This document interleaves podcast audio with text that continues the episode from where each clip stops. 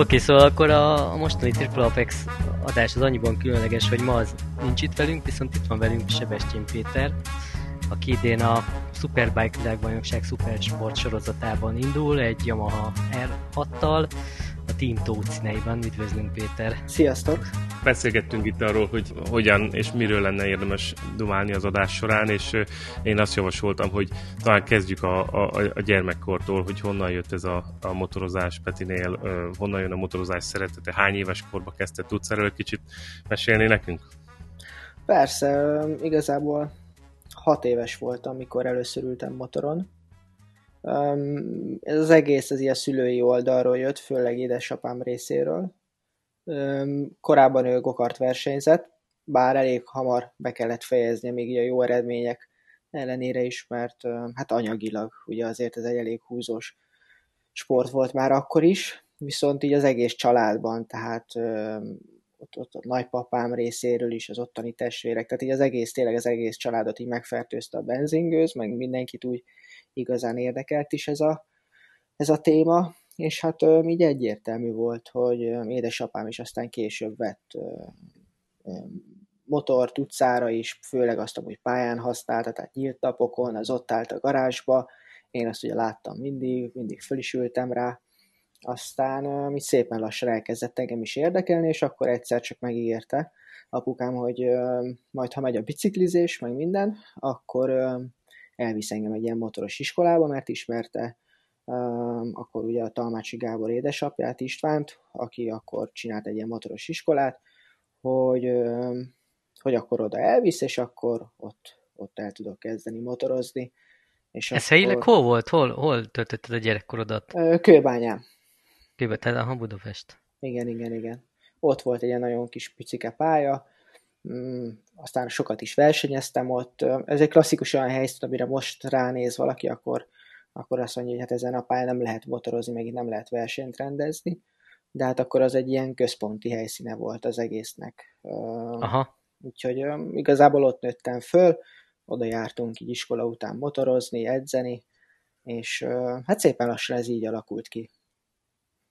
És akkor mikor látszódott, hogy van tehetséget hozzá, vagy, vagy már akkor is az volt, hogy ott elölmentél, vagy mi volt hát, ilyenkor? Az? igazából az volt a sztori, hogy ö, első motorozás volt egy pénteki nap, vagy szombati nap, nem tudom, és ö, ott klasszikus feladatok, hogy fölültem rá, leér a lábam, jó, akkor egy kicsi gáz, kicsi fék, megfordulok, kicsi gáz, kicsi fék, és akkor mondta az István, hogy jó, szuper, holnap lesz ezen a pályán egy verseny, el kéne jönni, meg kevés az induló és akkor igazából elindultunk.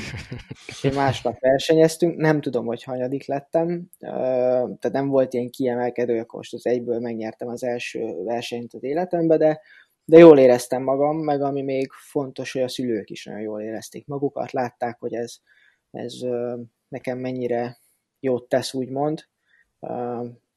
Tehát nem hivatalosan, de úgymond azért egy hiperaktív gyerek voltam, és látszott rajtam, hogy azért ez, ez megviselt jó értelemben, tehát hogy lefárasztott, jól is éreztem magam. Úgyhogy így elkezdtünk versenyekre járni, de, de sose az volt a cél, hogy, tehát, hogy nem azért vittek le a második edzés, hogy akkor most majd világbajnokot csinálnak belőlem, hanem tényleg mm, nagyon jó volt a hangulat a szülők között is, a, a versenyző gyerekek között is. Úgyhogy mentünk, csináltuk, aztán hogy azt vettük észre, hogy egyre komolyabb és egyre jobb eredmények jönnek, akkor elkezdtem dolgozni egy edző, szerelővel, akkor mindenes feladat ellátta az Attila, Daróci Attila, és akkor ugye egyre, egyre jobban így elkezdtek jönni az eredmények, egyre profibb lett, lépegettünk fölfele kategóriákba, és aztán így...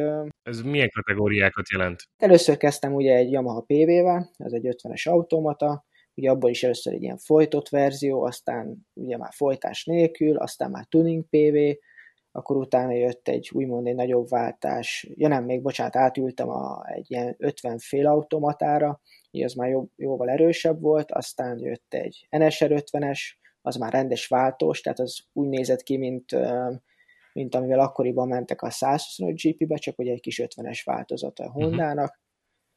Uh-huh. Azért az már egy úgymond egy ilyen komolyabb kategória volt számomra, és aztán azután jött a, a, az igazán nagy váltás az, hogy fölülhettem a, a 125-ös motorra.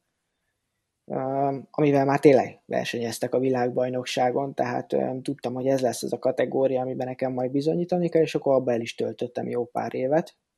Úgyhogy én még azon szerencsés versenyzők közé tartozom, akik elmondhatják, hogy két ütemű versenymotorokkal nevelkedtek. Nagyon a szívedhez nőtt a, a két ütem? Tehát visszasírod azt a korszakot? Szívesebben mennél mondjuk két üteműekkel, mint a mostani négy ütemű motorokkal? Hát talán azért, az biztos, hogy nagyon-nagyon jó, tehát a két ütemotorokkal motorozni. Pont most is volt szerencsém crossmotoros edzésre egy 125-össel menni, két üteművel, és ilyen 450-esről ültem vissza, hát vagy át egy 125-ösre, uh, és, és tök jó érzés volt, és szerintem ugyanez lehet a versenymotornál is, hogy így visszaülnék, akkor biztos elő, előjönnének azok a régi érzések, nem bánom ezt a négy ütemű korszakot sem, mert ennek is megvan a sajátossága, csak mm, azt mondom, hogy még tényleg azon szerencsések közé, hogy, hogy még érezhettem ennek az egésznek a, a, a varázsát. Tehát azért az más volt, amikor kimentünk a pályára, megnézni, milyen az időjárás, fúvókázni, kipróbálni, megnézni, mennyit detonál a motor, stb. beállítani. Tehát ott, ott azért az egy más szakma volt tényleg. A fiatalkori években volt olyan bukásod, ami így, így maradandó nyomokat hagyott, vagy nagyon megmaradt az emlékeidben, hogy ú, itt aztán pofára estem keményet? Hát igazából nem. Tehát ilyen nagyon nagy bukás, ami után azt mondtam volna, hogy tehát, hogy megfordult volna a fejembe bármi is, olyan nem. Volt, volt egy-két jó nagy esés, volt egy-kettő, ami úgy úgymond rosszul volt időzítve, tehát uh, például pont ugye a Rookies Cup, uh, bekerültem a Red Bull Rookies Cupba, és az első, uh, majd ez is egy külön téma, de hogy ott az első egy-két teszten nem tudtam részt venni, mert uh, megszorult a, a motorom, nem tudtam velem motorozni, tehát az első tesztem megakadt, mondták, hogy nincs alkatrész, úgyhogy én tulajdonképpen kiültem és néztem a többieket, viszont egyszer csak jöttek a Pannonia ringre tesztelni egy spanyol versenyzővel a gyári KTM VB-s motorokat, és mondták, hogy akkor elhozzák a Rukiscap motort, és akkor én is mehetek vele ott. És akkor mi erre próbáltunk fölkészülni az Euroringen, aminek az lett a vége, hogy nagyon jó köridőket mentem, de pont egy előzés közben elment a motor eleje, odavertem a fejem, és egy kis eszméletvesztés, a vállam is egy picit kificamodott, mindez egy vagy két nappal a teszt előtt. Uh-huh. Úgy kellett kikönyörögni engem a kórházból, mert, mert tényleg nagyon fontos volt, hogy elmenjünk erre a tesztre. El is mentünk.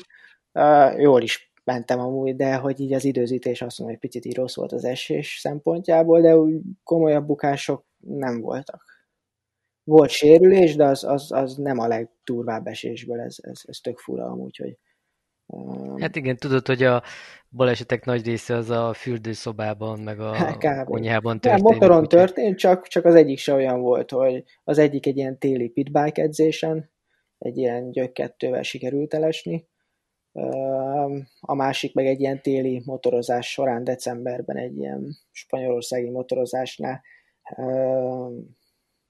kimentem tulajdonképpen a shoulderágyba, és tényleg ott is majdnem, hogy eldöltem a motorral, és a pitbike-nál a térdem szakadt szét, a, a, a, a Spanyolországnál pedig a, a vállam. És mind a kettő elég macera volt, tehát mind a kettő többször műtötték, szallagok sérültek, úgyhogy igazából ezek voltak így a legrosszabb élmények. Na de várjál, ne fussunk ennyire előre, mert amikor, amikor 125 közelébe kerültél, vagy már azzal mentél, akkor, akkor már gondolkoztatok azon családilag, vagy akár te is, hogy te profi motorversenyző leszel, és hogy akkor mi az a karrierút, amivel, amivel el tudod érni a céljaidat, és hogy mik azok a célok, ahova reálisan el tudsz jutni, vagy, vagy csak sodródtatok, és majd, hogy lesz valami? Hát azért mindig próbáltak úgymond főleg ugye, ugye a család, akkor ugye említettem ugye a Daróci Attila, mindig így próbáltak egy picit így terelgetni, de úgy, úgy azért ez még olyan távoli dolognak tűnt ez, a, az egész világbajnok is történet, tehát akkor is Talma éppen, hogy csak ott belekerült ebbe a körforgásba, tehát hogy erre nem volt egy recept, hogy akkor el kell költözni Spanyolországba, és akkor, uh-huh. tehát, tehát, nem, nem, tehát nem volt meg ez. Úgyhogy hát csináltuk, amit mi jónak láttunk, és akkor jött a lehetőség, hogy elindult ez a Red Bull Cup, ami már egyértelműen mm, az első lépcsőfok volt a világbajnokság irányába, mert ugye az a MotoGP-nek a betét futama volt egyforma motorokkal, és hát oda megpróbáltunk. De hogy jött ez a lehetőség? Hát ez, ez is egy, egy külön sztori. Volt a Paulovics Imi, aki így benne vannak a motoros társadalomból, talán ismerik, ő egy eléggé népszerű újságíró volt, meg még mindig, csak most már külföldön, és ő így, így hozzám, hozzánk, hogy mondjam, csapódott, már hogy így szépen mondva, tehát, hogy próbált nekem segíteni, megismerkedtünk uh-huh. vele a tisztasági versenyen, és ő nagyon jóba volt ott a KTM mm, vezetőségével, és mondta, hogy itt Salzburgban lesz egy német bajnoki futam, és hogy ott el tudok indulni egy, egy KTM-mel a, a német bajnokságba. És akkor kimentünk, meglátott a vezetőség, és akkor kérdezték az Imre, de hát, hogy hány éves az a gyerek. Ott derült ki, hogy én csak 12 vagyok, és azt mondták, hogy ezt elfelejtette nekik mondani az Imi, mert hogy 15 volt a korhatár. Mondták, hogy semmi baj, maradjak ott, etettek, hitattak minket, és akkor mondták, hogy lesz egy Red Bull Rookie válogató, pont most fog indulni, pont az ilyen srácoknak, mint nekem, 13 éves kortól egészen 18 éves korig lehet jelentkezni, próbáljuk meg. És akkor beadtuk a, a nevezést, ez, ez tulajdonképpen egy ilyen online nevezés volt, ezt még a Böröcki Pepivel, meg az Imrével töltöttük ki, ez is egy ilyen nagyon kis emlékezetes pillanat, és uh, meghívtak erre a válogatóra, Valenciába, Spanyolországba, akkor jártam először úgy igazán messze családtól, tehát oda az Imrével mentem ki, repülővel, akkor ültem először repülőn, akkor jártam ugye először ilyen távoli pályán, tehát minden tök új volt, és akkor ott a válogatón uh, is tudom hányan voltunk, 300 valahány fiatalt hívtak meg oda, és akkor abból válogattak ki 21-két versenyzőt, és akkor abban benne voltam én, mint a, a legfiatalabb. Úgyhogy az első versenyen nem is indulhattam, csak a, a második versenytől. És ott, ott, ott, ott mi számított, ott hogyan válogattak? Köridőt néztek, vagy, vagy mi, a, mi a válogatási szempont? Hát ugye csoportokra osztották szét, nem tudom, ilyen 10-12-es csoportokra, minden csoport kapott x időt motorozni, ott ilyen metrakittekkel mentünk egyforma motorokkal, és igazából mai napig nem derült ki, hogy egészen pontosan mit néznek, tehát biztos nézik azért a köridőt, de sokkal fontosabb az, hogy tényleg körről körről tud gyorsulni, ne hibáz, stabilan tud a köridőket, tehát nagyon sok minden, nagyon, nagyon mm, profi szakemberek voltak ott, tehát például a Puig, aki ugye a Pedrozát, meg egy csomó spanyol versenyzőt felfedezett, a Harald Bartol, ugye, aki a kétütemű KTM-eknek a atya úristene volt, úgyhogy olyan szakemberek voltak ott, akik, akik már láttak versenyzőket, tehát tényleg fontos volt, hogy hogyan kommunikálsz, tudsz-e beszélni angolul. Hát én kifele a repülőn tanultam meg. Uh, a, I was pushing very hard. nem, nem, az Imre összeírt nekem a, egy ilyen szótárfüzetbe a legfontosabb ilyen kifejezéseket, mint nem tudom, futómű, fék, stb. Hogy elmondta, hogy tehát ilyen kifejezéseket így megtanultam, azokat próbáltam úgy használgatni. Tehát mindent, mindent néztek, tehát ők, ők, ők, tényleg, ők tényleg versenyző, versenyzőket kerestek.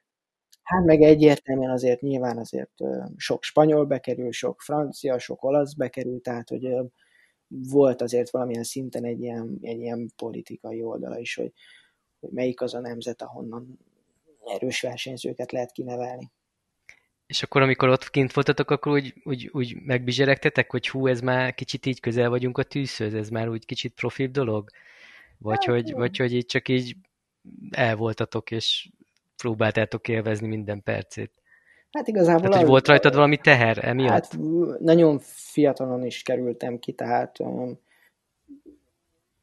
most utólag, tehát hogy így könnyű bármit is mondani, de tényleg talán egy picit túl fiatal is voltam, de jó, hogy ott voltam, nagyon jó, hogy ott voltam. Az volt a szerencsém, hogy ugye azért nagyon sok magyar az ott volt már akkor a, uh-huh. a, a depóban, tehát a, a Tótiméket is onnan ismerem, tehát náluk ott voltam folyamatosan a hospitality-be, úgy ott, a, ami a pályán föl van állítva a versenyzők ilyen kiszolgálására, ilyen kis, kis kajál, de ugye ott nekik akkor nagyon profi volt ez az egész dolog, és csinálták ott a palacsintákat, stb. Tehát minden versenyző oda járt Igen, ezt sok, szoktuk emlegetni az adásokban. igen, igen, úgyhogy úgyhogy ott lógtam sokat, ugye ott ismertem meg Stefánot is, Talmával is ott ismerkedtem meg úgy igazán, úgyhogy igazából sokan voltak ott. Végig engem kísért ugye az Imre, tehát nem csak a válogatóra kísértem. Mm, a család az nem volt ott, ugye az, az, az, az egy, az ki is, vagy le is szögeztem még az elején a, a Red Bull, hogy nem szeretnének szülőket látni. Természetesen, ha másképp nem megoldható, akkor, akkor, akkor, akkor nincs más, de, de szeretnék, hogyha más, más vinne minket a versenyekre. Mi ezt tartottuk is, néha a nővérem kísért el, de tök, tök jó volt igazából. De akkor éreztem meg igazán, hogy, hogy itt figyelnek is minket, amikor Mugello-ban polpozícióból indultam, és tudom, amikor ott a, a, MotoGP-s kamera, a, a, jöttek az üzenetek Magyarországról, hogy hajrá, szurkolunk, figyeltünk. Tudod, akkor, akkor vettem észre, hogy igazán, hogy, hogy mennyi embert érdekel ez az egész, és mennyien figyelnek. És a, a többieket milyennek láttad ott a, a Rookies kapon? Tehát milyen, milyenek voltak a mondjuk hozzád hasonló ö, életkorú srácok így, így tapasztalatban többet hoztak, jobb volt a hátterük általában, vagy úgy érezted, hogy teljesen pariba vagy, és ugyanolyan esélyekkel indulsz? Mi, mi volt a tapasztalat? Hát nyilván azért azt már az elején láttuk és tudtuk, hogy, hogy jóval többet motoroztak uh, már így a téli felkészülés során is. Tehát én az első tesztre tulajdonképpen majdnem úgy érkeztem, hogy, hogy alig ültem motoron, míg mondjuk azért egy spanyol, egy olasz versenyző, vagy egy francia azért már egy jó pár ezer kilométert megtett előtte versenypályán. Nyilván ez egy hátrány volt, meg, meg tényleg sokkal fiatalabb voltam, mint a többiek. Tehát én például ugye a Zárkóval, tehát a Zárkó abban az évben nyerte meg a Rookies Cup-ot, amikor én ott indultam, a Szalon volt ott, a Savadori, tehát akik most nagy nevek a, a sportban, ők, ők, ők ott voltak, és, és ők is akkor kezdték, de hát ők ugye egy pont azzal a, azzal a három, van négy évvel idősebbek, ami, ami akkoriban nagyon sokat jelentett. De a pályán egyébként milyen vagy? Ilyen magabiztos versenyző vagy, aki, aki nagy önbizalommal megy fel, és próbálja mutatni, hogy ő igenis nagyon gyors, mert így egyébként te nagyon ilyen szerény embernek tűnsz. Hát, pályán... Hát, inkább egy ilyen, ilyen építkezős Aha. típusnak tartom magam de hogyha be kell tenni belső évre, akkor beteszem. az elég baj. Peti, és hány indulóból válogattak be? Hány közé?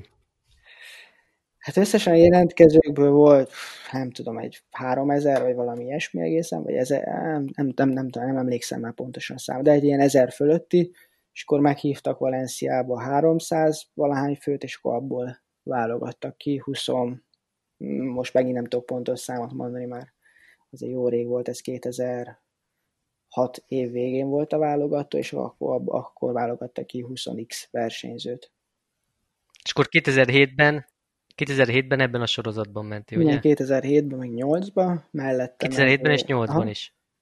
Az, hogy 7-ben mentél, az automatikusan azt jelentette, hogy mehettél 8-ban, nem, és nem, nem, volt nem. válogató? Hát úgy volt, hogy X versenyzőt megtartottak, mondták, akiket, akikkel szeretnének tovább dolgozni, azokat megtartották. Nyilván voltak olyan versenyzők, aki, mint például ugye Zárko, aki megnyerte, nyilván tovább vitték, meg volt, akit ott tartottak, köztük engem is, és volt olyan, akit kirúgtak. És akkor így kaptam még egy év lehetőséget, és aztán így versenyeztem 2008-ban is ott, de emellett még indultunk az Alpok Adrián is, Úgyhogy az így elég uh-huh. ilyen mozgalmas évek voltak. Az, hogy 2007-ben Talmácsi Gabi világbajnok lett, az, az, az a te karrieredre bármilyen hatással volt, vagy ez jó volt, de úgy egyébként a számodra nem, nem volt semmi hatása? Nem hiszem, hogy lett volna bármilyen hatással. Tehát, hogy nem, nem, nem látom se pozitívumát, se hátrányát, tehát igazából így tök jó volt, én is ott voltam ugye Valenciában, nagy öröm volt, mm, de, de igazából nem látom, hogy hát annyi, hogy talán tényleg ott egy kicsit így, így elindult valami, ugye akkor a Stefánóban is, a Talmában is, akkor az egész motorsporta valami elindult, csak aztán ugye jött egy, egy, egy, egy elég komoly válság, gazdasági válság, ami, ami, ami, ne, ami nem nekünk dolgozott. Úgyhogy ennek úgymond az igazi előnyeit nem tudtuk szerintem kihasználni akkor. De ekkor azért már volt célod, hogy te is a VB-ben akarsz menni? Persze, persze, hát itt azért már... Tehát, hogy akkor már az volt a cél, hogy akkor te is menjél 125-be, 250-be, és ameddig el tudsz jutni. Igen, igen. És akkor jött a válság. Nem, utána még volt egy egész jó év, 2009-ben, ott akkor a spanyol bajnokságon indultam, ugye, ami a világbajnokság után a, hát mondhatni a legerősebb ilyen nemzetközi bajnokság. Most már ugye a spanyol bajnokság legkisebb kategóriáját, ami most már ugye Moto3, régen ugye 105, azt most már például a junior világbajnokságnak is hívják. Uh-huh. Nem hiába, ugye akkor is Folger, Vinyales, tehát ilyen nevek indultak ott és öm, akkor sikerült ott elindulnom. Ennek is volt egy előzménye, hogy az Alpok Adria eredményemmel öm, második lettem 2008-ban. Elindulhattam év végén az Európa bajnokságon, ami öm, Spanyolországban volt. Ott az összes nemzeti bajnokság első X helyezette indulhatott el. Aha.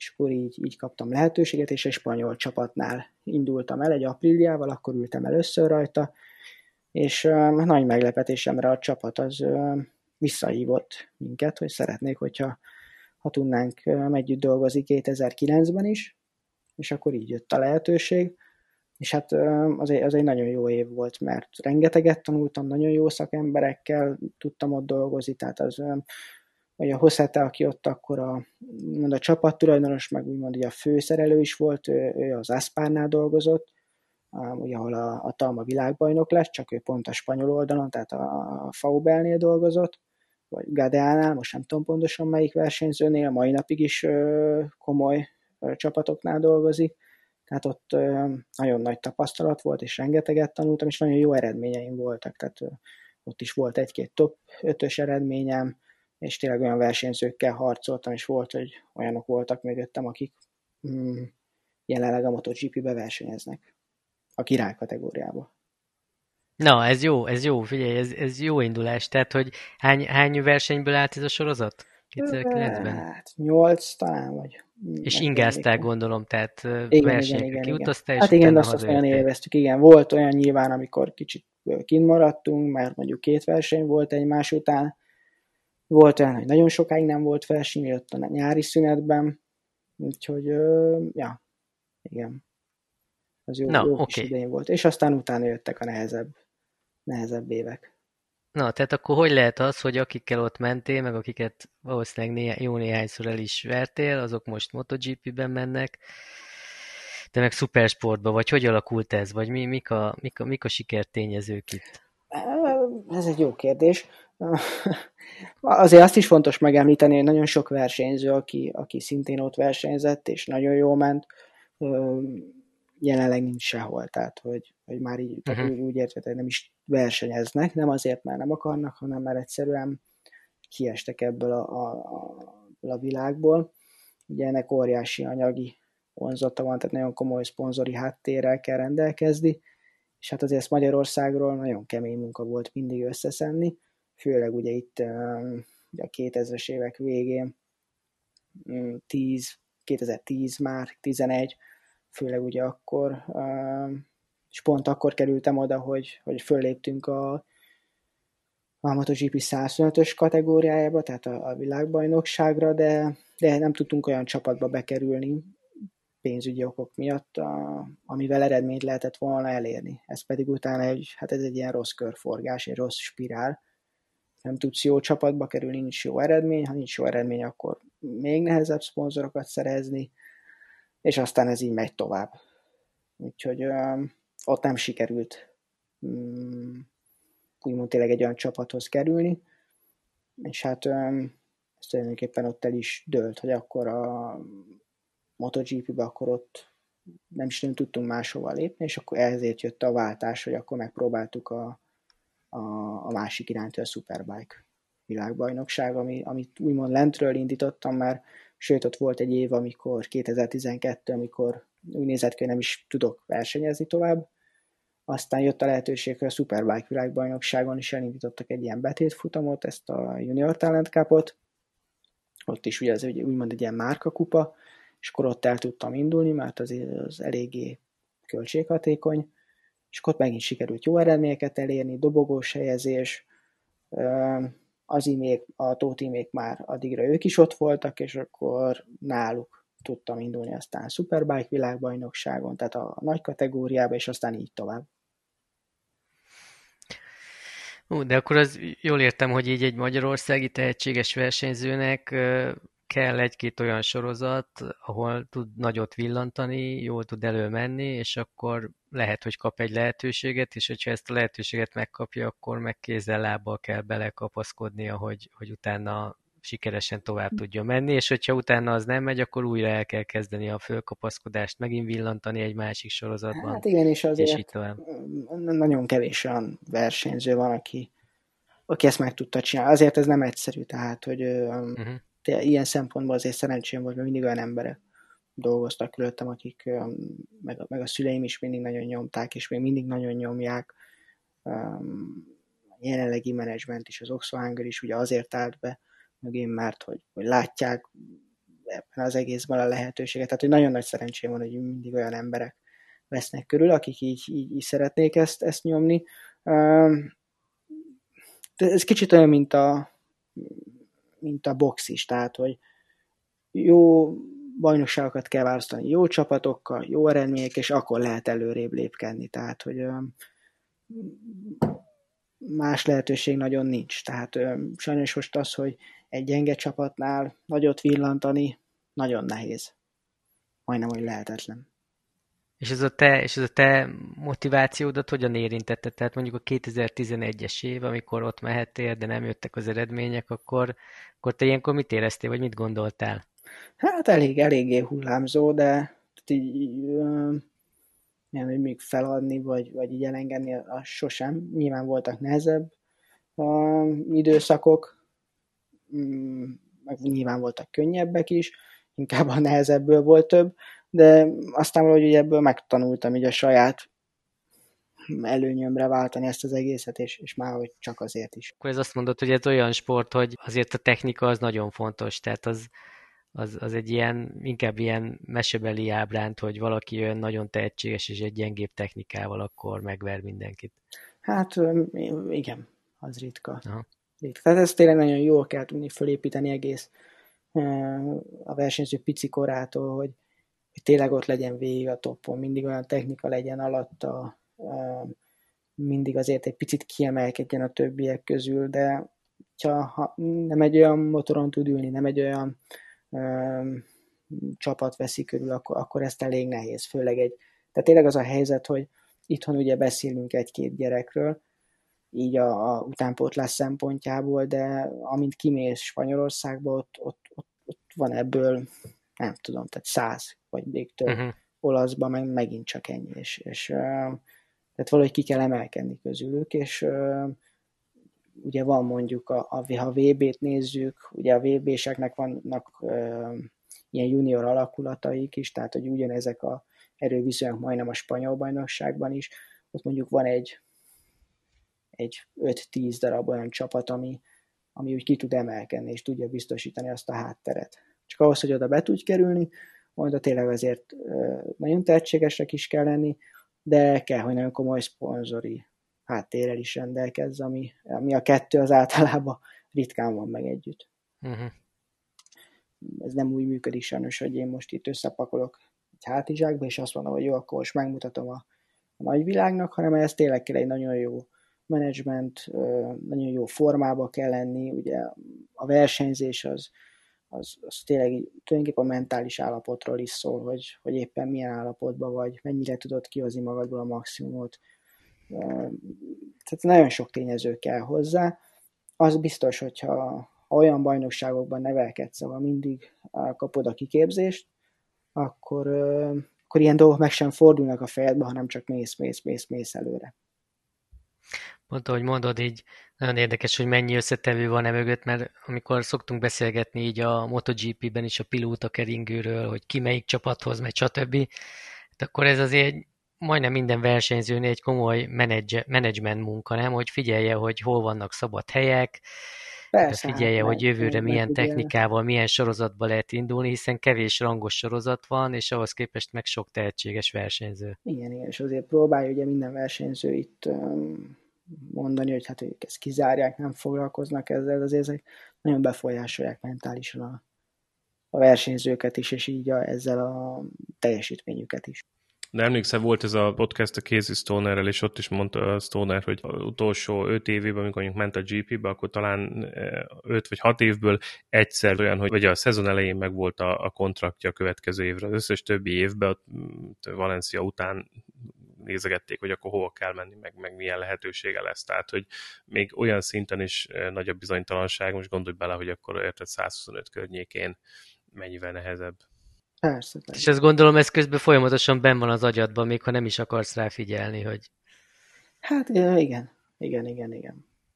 Nyilván itt ez is egy másik kérdés, ezeket mennyire tudod kizárni, mennyire tudod félrerakni. Néha könnyebben megy, néha nehezebben. És hogy tudtad ezt a sulival összeegyeztetni? Igazából nem volt probléma, tehát így az általános és a középiskolával egyáltalán mm, nem volt probléma, tehát mindig jó tanuló voltam Szerencsére azért ezt a szülők nyomták is, fő, főleg édesanyám, de tényleg többször sikerült megkapni ezt a jó tanuló, jó sportoló díjat, tehát tényleg erre mindig odafigyeltünk, úgyhogy ezzel egyáltalán nem volt probléma. Eldugták a motorkulcsot, ha négyest hoztál? Nem, nyilván volt egy ilyen. Én mindig azt szoktam mondani, így, főleg a szülőknek, hogy ez egy kicsit durván hangzik, de ugye a motors, motorozás azért is jó sport a gyermek számára, mert, mert jól lehet vele zsarolni. Ez most így tényleg hangzik, de, de tényleg tehát nagyon kevés olyan sport van, amit a, amit a gyerek nagyon szívesen csinál, még hosszú idő után is. És a motorozás az pont egy olyan, ami, ami, ami, amit mindig szeretne csinálni a gyerek, és mindig mosolyogni fog, hogyha mondjuk elmegy egy edzésre, és hát ezzel azért valamilyen szinten úgymond, hát tényleg így, így csúnyán mondva, de vissza lehet élni, és, és tényleg a tanulás előnyére lehet ezt az egészet váltani is, és én azt éreztem is, mert tudtam, hogy ha, ha nincs tanulás, akkor, akkor valószínűleg motorozás se lesz, de ez elő se fordult.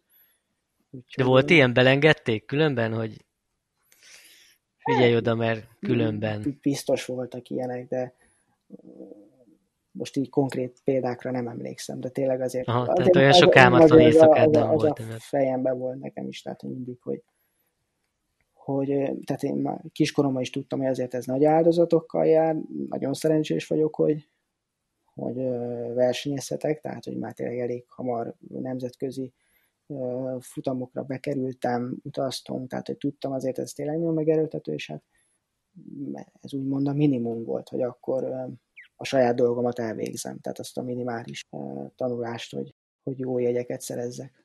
És mi volt 2011 után? Hát annyi volt, hogy 12-ben elindultam a, vagy igen, 12 11 vég, vagy 11-ben hát be se tudtam fejezni ugye a, a 125-ben a, az évet, tehát ott annyira borzalmas volt a csapat, hogy akkor ott mondtuk is, hogy akkor köszönjük, ez elég volt.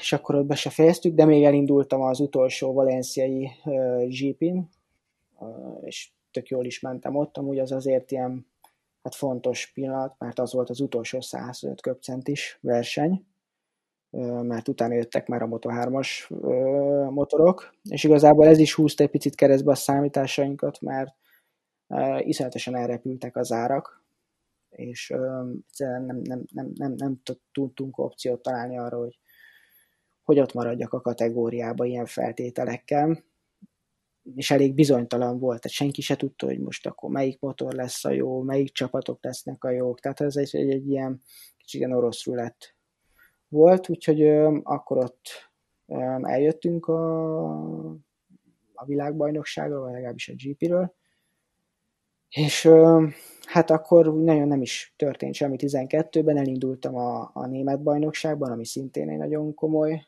és erős bajnokság, akkor ott még egy évet mehettek a 125-ös motorok, ott elindultam két versenyen, és ott sikerült dobogón is állni, de aztán az is, az is abba maradt. És hát igazából az a 12-es év az egy ilyen, hogy mondjam, egy ilyen kis pihenőév volt, aztán 13-ban pedig jött ez a Junior Cup, amiről ugye korábban beszéltem, az, az nagyon jól sikerült, volt dobogós helyezés is, és igazából ott azzal kerültem vissza újból a, a vérkeringésben, aztán 14-ben a, a Tótimékkel indultam Superbike-ban. Én előtte nagyon nem is ültem, úgymond nagy motoron, tehát így 600-ason is éppen, hogy csak egyszer-kétszer hébe-óba, ezre sem nem is nagyon ültem előtte, de nem volt nagyon más választásom. Mm, igazából az imiék már akkor is nagyon sokat segítettek, és akkor jött ez a lehetőség. Hát én meg nyilván ellenkezni nem fogok egy, egy, egy superbike kapcsolatban, főleg, hogy ugye azért olyan nevek indultak, akik számomra példaképek voltak. Úgyhogy eléggé hihetetlen is volt a, a történet. Hát tudtam, hogy nem lesz egy egyszerű, egyszerű menet, mert tényleg főleg egy BMW-vel indultunk, és hát azért technikailag jóval el voltunk maradva, mint a, mint a többiek, tehát én messze el voltunk maradva. Úgyhogy hát nehezen indult a szezon, ugye abban az évben szedtem össze egy, azt a válsérülést is, vagyis legalábbis előző télen, úgyhogy ez egy egész évben egyre rosszabb volt, de viszont egyre jobban hozzászoktam a motorhoz, és, és egyre jobb eredményeket értünk el. Mm, és az, az volt a jó az egészben, hogy nyilván ugye kifele az jön le, hogy ó, hát a, a Peti ez megint csak ott volt a mezőny végén, viszont szerencsére ezt a, a szakma, aki ott volt a, a depóban, az látta, hogy, hogy ott milyen motorral, milyen háttérrel, milyen eredményeket érünk el, főleg úgy, hogy életem először ülök tulajdonképpen ezres motoron, és így jött a lehetőség is aztán a következő évre, hogy a, a Pedercsinél indulhattam stock kezerbe, ami ugye hát előtte nagyon jó eredményeket ért el abban a kategóriában. Mennyire más a, a Superbike meg a stock kezer? Ég és föld, vagy? Hát én azért nem tudok nagyon pontos választani, tehát hogyha itt arra vagy kíváncsi, hogy miben különböző a motor, azt kell, hogy mondjam, hogy tulajdonképpen majdnem a Superbike-ban is egy hát egy erős motorral indultunk, Ja, aha. Úgyhogy tehát, messze, tényleg még messze le voltunk technikailag maradva a, a gyári motoroktól. A, a mezőnyt, illetően hát nyilván sokkal, de sokkal erősebb a, a Superbike, viszont a stock kezerbe meg pont amiatt, hogy egy kicsit kiegyenlítettebb volt a technika, így azért ott, ott is nagyon sok jó versenyző volt, és, és sokkal keményebbek voltak a csaták meg mivel rövidebb, Nagyon sokan vannak, igen, nem? Vagy voltak? Voltak, igen. Meg mivel rövidebbek a versenyek, ezért nem is az a gumitaktikázás megy ott, mint mondjuk Aha. a Superbike-ban. Hát de a Superbike-ban már akkor is gumitaktikázás volt, ugye? Hát muszáj azért beosztani, tehát.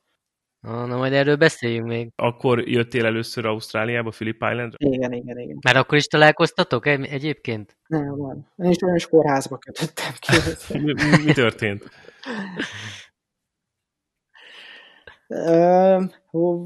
Volt már előtte egy, egy térsérülésem, és volt már, tehát volt szalagszakadás, és volt porcleválás is, és akkor a porcot visszavarták, és teljesen hihetetlen, de tulajdonképpen az első szabad edzésem, vagy a második szabad edzésem motorozás közben leszakadt a porcot érdembe. És tulajdonképpen, tehát el semmi, csak egyszerűen ki kellett állni, mert nem bírtam mozgatni a lábam, tehát akinek volt már hasonló sérülés, az tudja, hogy, hogy az milyen ott hirtelen, és hát azt egyből meg kellett ott operálni, mert én nem bírtam kinyújtani, semmit nem tudtam a lábammal csinálni, úgyhogy ott igazából ez lett a versenynek a végeredménye. Volt valami jó sztori uh, Ausztráliából, abból a, a, ezen kívül a porszláváláson kívül? Jó, hát ugye először, először jártam ott, és végté azért mindig nagyon jó is a hangulat, tehát hogy így, így maga a pálya kívül, tehát a boxban mindig nagyon jó volt a, a hangulat, és, és azért rengeteget tudtam tanulni már akkor is ott az imitől.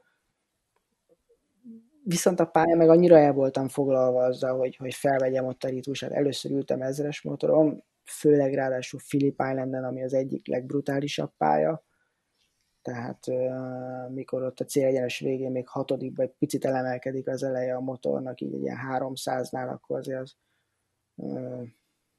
úgy újra kell ott értékelni a dolgokat. És igazából így, ez, így saját magammal voltam tényleg ott elfoglalva, és tényleg próbáltam kihozni a legjobbat, és, és tulajdonképpen már ott egyből tudtam limiten belül futni, tehát hogyha ha nincs ez a térleválás, vagy porszleválás, akkor, akkor nem lett volna ezzel baj. Nyilván ez a limit idő, ez most ilyen nevetséges, de, de ott először a Superbike világbajnokságon egy, úgymond egy, egy stock motorral, életemben először azon a pályán először ezresen, akkor, akkor ez volt a, a cél, amit kitűztünk, hogy egyáltalán limit időt tudjuk futni, és hát ez bőven megvolt. Minden versenyre így mentek egyébként, még most is, hogy, hogy kitűztök egy célt, hogy akkor itt mit kell elérni, és akkor ahhoz viszonyítva nézitek, hogy ez persze, sikeres persze. volt, vagy... Aha. Persze. És volt ebben a szezonban valami olyan pozitív visszajelzés mondjuk versenyzőtársaktól, vagy ilyen rutinosabb öreg rókáktól ott a mezőnyben, hogy tudod, látták rajtad, hogy úgymond kezdő, vagy ruki, vagy ott az ottani mezőnyben egy-két jó szót kaptál tőlük, egy-két jó tanácsot valaki segített, vagy, vagy igazából mindenki a saját dolgával volt elfoglalva, és nem, nem volt ilyen segítség részükről.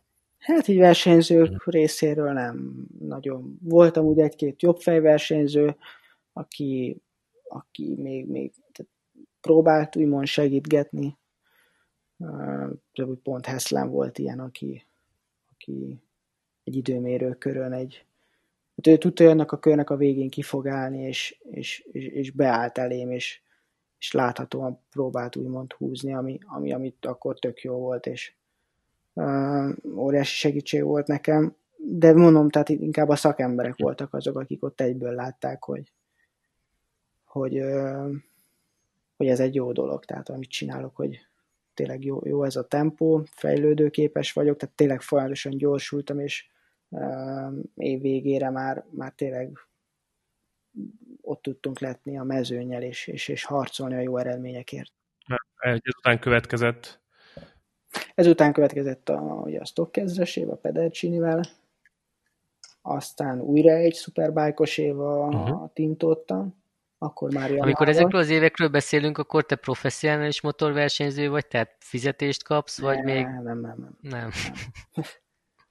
Hobbi, hobbista. Hobbista. nem.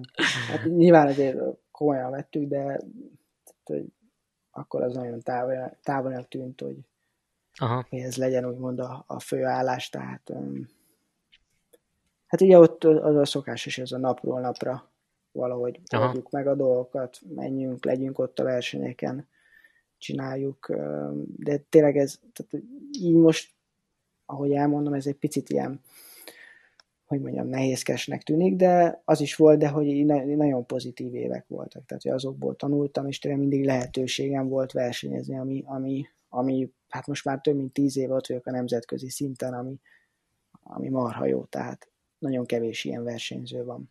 És azért bejártam a 125-öt, bejártam a, a német bajnokságot, spanyol bajnokságot,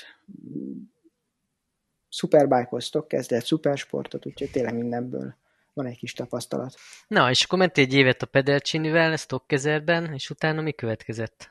Utána jöttek a Tótimék megint, egy Ja, imékkel megint Superbike, aha az, az ott még jobb volt, tehát ott már azért volt két éves ezres tapasztalatom, sikerült pontot gyűjteni, az ott tényleg egy jó év volt, csak hát ott is egyetlen egy probléma volt, hogy a technika az, az bőven elmaradt attól, ami, ami, mi kellett volna az, hogy, hogy még előrébb keveredjünk, de azért nagyon jó tanuló év volt, és, és megint csak arra volt jó, hogy, hogy ott már azért talán megjegyezték a nevemet, tehát ott már tényleg sikerült egyszer-kétszer úgymond így labdába belerúgni.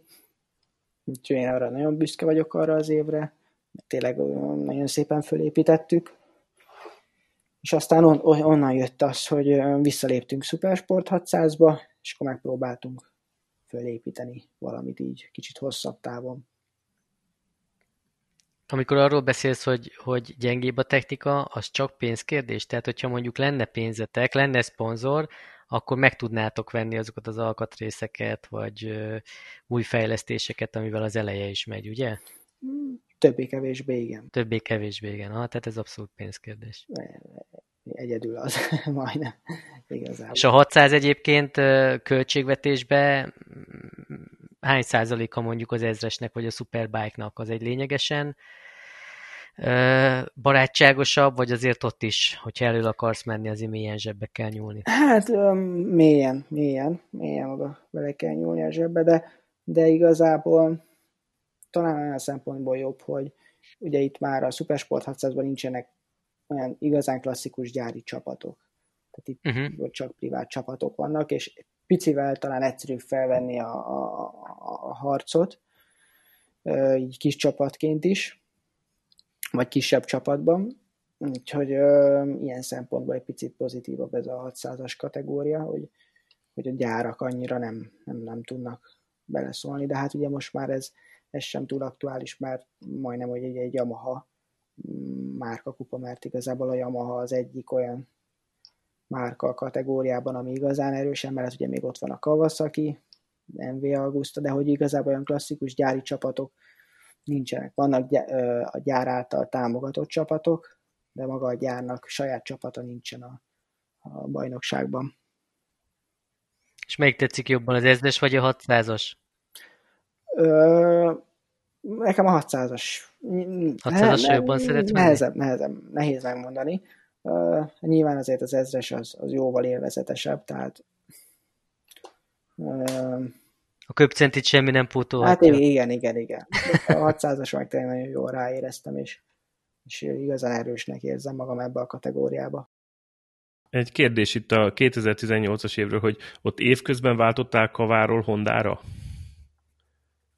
Hát ott a csapat, ahol nem, ahol versenyeztem, az, az megszűnt, és tehát ott, ott voltam tulajdonképpen az év közben csapat nélkül, és akkor, akkor jött ez a lehetőség, mert pont volt egy megüresedés ott a, a PTR-nél, és um, így jött a lehetőség, hogy, hogy um, ott ráüljek a motorra. Az is nagy, hogy mondjam, egy közbenjárás volt, tehát nagyon sokan dolgoztak azon, hogy, hogy megkapjam azt a, vagy le, legyen lehetőségem arra, hogy megkapjam azt az ülést.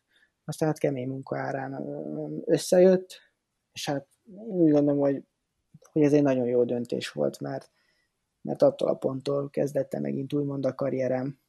Úgy igazán nem. Igen, én azt lá- nézem itt a pozíciókat, hogy 17-ként ke- lett, a 17 lettél Olaszországban, aztán utána le volt egy 14 15 hely, aztán Katarban szezonzáron 10 hely, és akkor utána utána jöttek a ugye 2019-es eredmények szintén Hondába, és akkor ott látom, hogy nyolcadik lettél Ausztráliában tavaly, aztán jöttek szépen az eredmények végig, 10-11. hely, legjobb hondás, szóval ott, ahogy mondod, elindult a dolog. Ekkor ismerkedtél meg az Andyvel, tehát a 2018-as évben a Hondánál? Vagy az egy kicsit másféle 19-ben, 18-ban a másik mérnök volt, igen, ott vele is nagyon jól tudtunk együtt dolgozni, de hát igen, 19-ben mm, egy újabb mérnököt kaptam, ő az Andy, aki most is itt a, a jelenlegi csapatomnál a, a mérnököm, úgyhogy vele már hát igen, tehát egy éve dolgozunk együtt. Igen, ott azért ez egy szintén egy jó, jó kis visszacsatolás volt, nem? Itt végig itt a 8., 10., 11. hely környékén motorozgatni 19-ben a Honda-nál. Tehát ez fekü, úgy tűnik, hogy feküdt neked ez a Honda. Hát igen, igen, nem volt egyszerű munka, tehát azért azt tudni kell, hogy ott a Honda sajnos a, hát nem a legerősebb technika kategóriában, és hát nagyon sok minden nehezítette is ott a háttérbe a, a munkánkat, de én úgy mondom, hogy mindig, mindig így topon tudtunk maradni, és mindig nagyon jó munkát tudtunk végezni, és én pont emiatt is szerettem volna így a mérnökömmel maradni, mert, mert azt éreztem, hogy, hogy, hogyha nehezebbre fordulnak a körülmények, akkor is, akkor is jól tudunk együtt dolgozni, és egy ilyen, egy ilyen munkakapcsolat, meg amúgy is egy kapcsolat, tehát ez, ez, ez, ez több, mint egy ilyen munkakapcsolat, tehát jóval, hogy mondjam, bensőségesebb, úgy ez egy fontos szempont volt, hogy, hogy vele folytassam az, az évben is. jön át számomra egy külső szemlélőként, hogy ott 2019-ben azt gondolhattad, aztán majd elmondod, hogy ez így volt, vagy sem, hogy, hogy itt, itt már aztán tényleg csak a Honda az, ami, ami úgymond gátja a fentebb lépésnek. Tehát, hogy mondjuk Yamahán ülnél, akkor, akkor akár még jobb eredmények is születhetnének. Hát igen, azért azt tudtuk, hogy, hogy a Yamaha jóval erősebb lehet, de azért nem úgy kell elképzelni, most akkor valaki átül Hondáról Yamaha-ra, és akkor az körönként mondjuk egy másodperc, tehát egy Yamaha motort is ugyanúgy be kell állítani, kell egy olyan körítés, tehát egy olyan csapat hozzá, egy olyan mérnök, egy olyan mm, adat hozzá, tehát ami, amivel tudsz dolgozni, tehát azzal is nagyon keményen kell dolgozni. Aztán az más kérdés, hogy a Yamaha-val meg tudsz még ugrani mondjuk még egy plusz még egyet, amit már a Hondával nem biztos, hogy, hogy meg tudsz. A hallgatóknak azért mondjuk el, hogy, a, hogy az Ausztrál futamok során a Roland kiszokott látogatni a versenyekre, és akkor szoktatok találkozni, meg beszélgetni, ugye? Most is így volt. Igen, igen, tavaly, tavaly találkoztunk. Igen, és ilyenkor Roland nagyon pióca, tehát hogy nagyon sokat van ott, hogy valami repi ajándék lehessen neki, vagy, vagy azért ki lehet bírni? Nem, de hogy is, éppen, hogy, éppen hogy az ellenkezője, hogy hát tavaly is mm, a box, talán már a verseny után találkoztunk, ha jól emlékszem. Én nyugodtan nyomjatok a kezébe egy söprűt, vagy valamit, hogy azért dolgozzon is. Nem is emlékszem már pontosan, hogy volt, de hogy tényleg ilyen, ilyen el sem akartam hinni, mert hogy így, a világ másik felén van egy, egy olyan valaki, akit így ennyire érdekel ez a sport, és Figyelj, annyit tudok mondani, hogy, hogy bárki motorját tiltásig forgatja hidegen, tehát nagyon figyeljetek rá. Jó, jó, akkor azt nem adom oda. Na és milyen volt ez a mostani Philip Island szezonnyitó?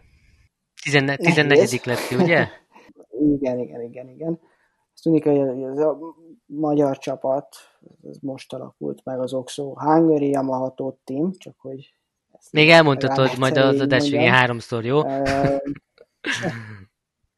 jó, jó, jó. Hát most alakultunk meg, és igazából ez az Ausztrália volt az első olyan közös bevetés. Volt egy, egy tesztünk, de az még nem a versenymotorral, nem az összes szerelővel. Tehát minden, minden, itt, minden itt állt össze az ausztráliai verseny hétvégén, és ehhez képest most már így utólag azt mondom, hogy tényleg minden nagyon jól alakult. A teszt egy picit túl jól is alakult, mert pont annak köszönhetően azt éreztük, hogy, hogy reális esélyek vannak arra, hogy, hogy tényleg a top 10-et megcélozzuk, 8. hely, stb. Viszont hát sajnos azért technikai problémák nehezítették itt a, a hétvégét. Kicsit nehéz is volt, tényleg a csapat most állt össze, de, de azt kell mondjam, hogy, hogy tök jól tudott mindenki együtt dolgozni.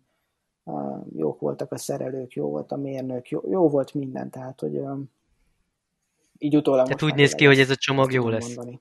Csak azért mondom, hogy utólag már Roland látott ott, és, és uh, ugye egy picit feldúlt voltam, de, de ez csak egy a pillanatnyi, hogy mondjam, hangulat. Igazából az volt, az volt számomra így, igazából egy ilyen nagy felismerés, hogy milyen, milyen nehéz egy ilyen versenyző élete. Tehát úgy, úgy kell elképzelni ez Kovacs, hogy tudom én, a, tudod, a csapat dolgozik keményen egész héten, mielőtt megy a verseny, és akkor jó, eljön a verseny napja, mindenféle technikai problémák, oké, mész egy, mész egy versenyt, ami, amiben van ugye elég nagy stressz, esetleg te is rontasz egyet-kettőt, nem úgy alakul, nem jön a nyolcadik hely, amit mondjuk elvártál, vagy valami hasonlóan jó helyezés, hanem mondjuk egy kicsit hátrébb végzel, de ahogy Peti elmondta, tényleg egy új, új csapat, új motor, és akkor nyilván nem volt annyi felkészülési lehetőség, mint esetleg más csapatoknak, és akkor egy kicsit hátrébb végzel, mint ahogy szeretnél,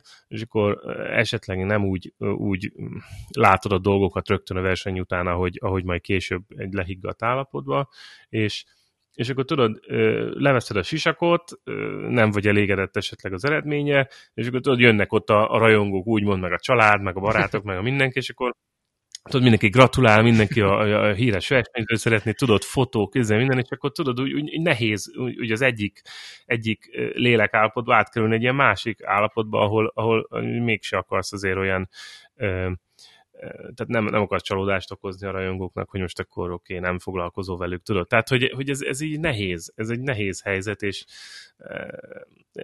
tehát ezt is menedzselni kell egy versenyzőnek. Még szóval... nem őszintén a mosoly olyankor, mi? Nehéz szerintem váltani az egyik helyzetből a másik. Leveszed a sisakot, még tökre ott, hogy a verseny van a fejedben, nem, Peti?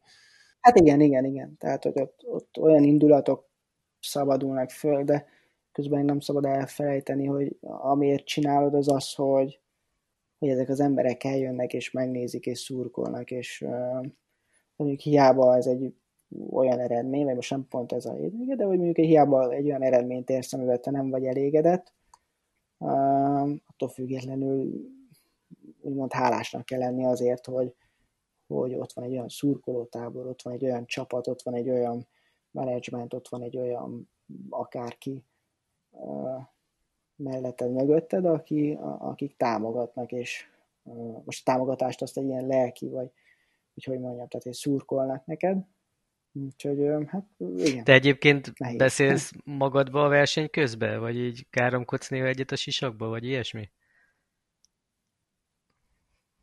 Nem, inkább, inkább, hogy mondjam, nem is megnyugtatni, de inkább szoktam. Aha, tehát, hogy nyugi-nyugi, vagy hogy na majd akkor. Nem, nem pontosan, inkább csak itt tényleg a, Hát úgymond, hogyha most is úgymond sorolom így magamba a feladatot, ugye ez egy klasszikus, hogy mindig Aha. csak a következő kanyar, mindig csak a következő feladat, hogyha mondjuk olyan van, hogy egy picit mégis előre rohannál, akkor hopp, hoppá, azt észre kell venni és visszaállni, vagy hogyha mondjuk versenyszituáció és mondjuk előzési lehetőség, akkor mik azok, amikre figyelsz. Hát így azért próbálod így rendezni a, a gondolatokat. Ezt korábban említetted, hogy az ezresnél a gumistratégia nagyon figyelni kell rá. Itt a 600-asnál most ez van, illetve hogy ez mennyire gumipóker egy-egy verseny. Pirelli-vel mentek, ugye? Igen, igen. Annyira nem, főleg nem Ausztráliában ugye a kötelező box kiállás volt. ugye ott megszabták, hogy egy gumival maximum 10 kört lehet menni, tehát a 16 körös versenyben kötelező volt kiállni egyszer kereket cserélni. Úgyhogy hát itt ez, ez egyáltalán nem volt. Nyilván fontos az az, hogy használt gumival is gyors tud lenni, mert nagyon sokan versenyző van, akik mondjuk új gumikon nagyon jók, főleg egy körös tempóba, viszont verseny végére elfogynak. Én tavaly a Hondával pont az ellenkezője voltam, hogy Hondával nem tudtuk úgymond kihasználni az új gumi adta lehetőségeket, mert nem lehetett a motorral annyira úgymond agresszívan menni viszont ahogy elkezdett kopni a gumi, és egyre lágyabban kezdtek el versenyezni a többiek, én úgy tudtam gyorsulni. Most itt a Jamában nyilván majd a kettőnek a, a, az arany középútját kell megtalálni, hogy tényleg, hogy egy körön is gyors tud lenni, de egy olyan bájtást kell találni, amivel használt gumin is még ütő, ütőképes tudsz lenni az utolsó körökben. Ti elektronikát használtok? Nem. Nem. Aha. Hát most ilyen kipörgés gátlóra. Igen, igen, igen. igen. Elemetria van, motoron. Van, elemetria Hát igen, de kipörgés gátlóra gondoltam. Egykerekezés gátló, ezek, ezek nincsenek. Az nincsenek, aha. Beépítve.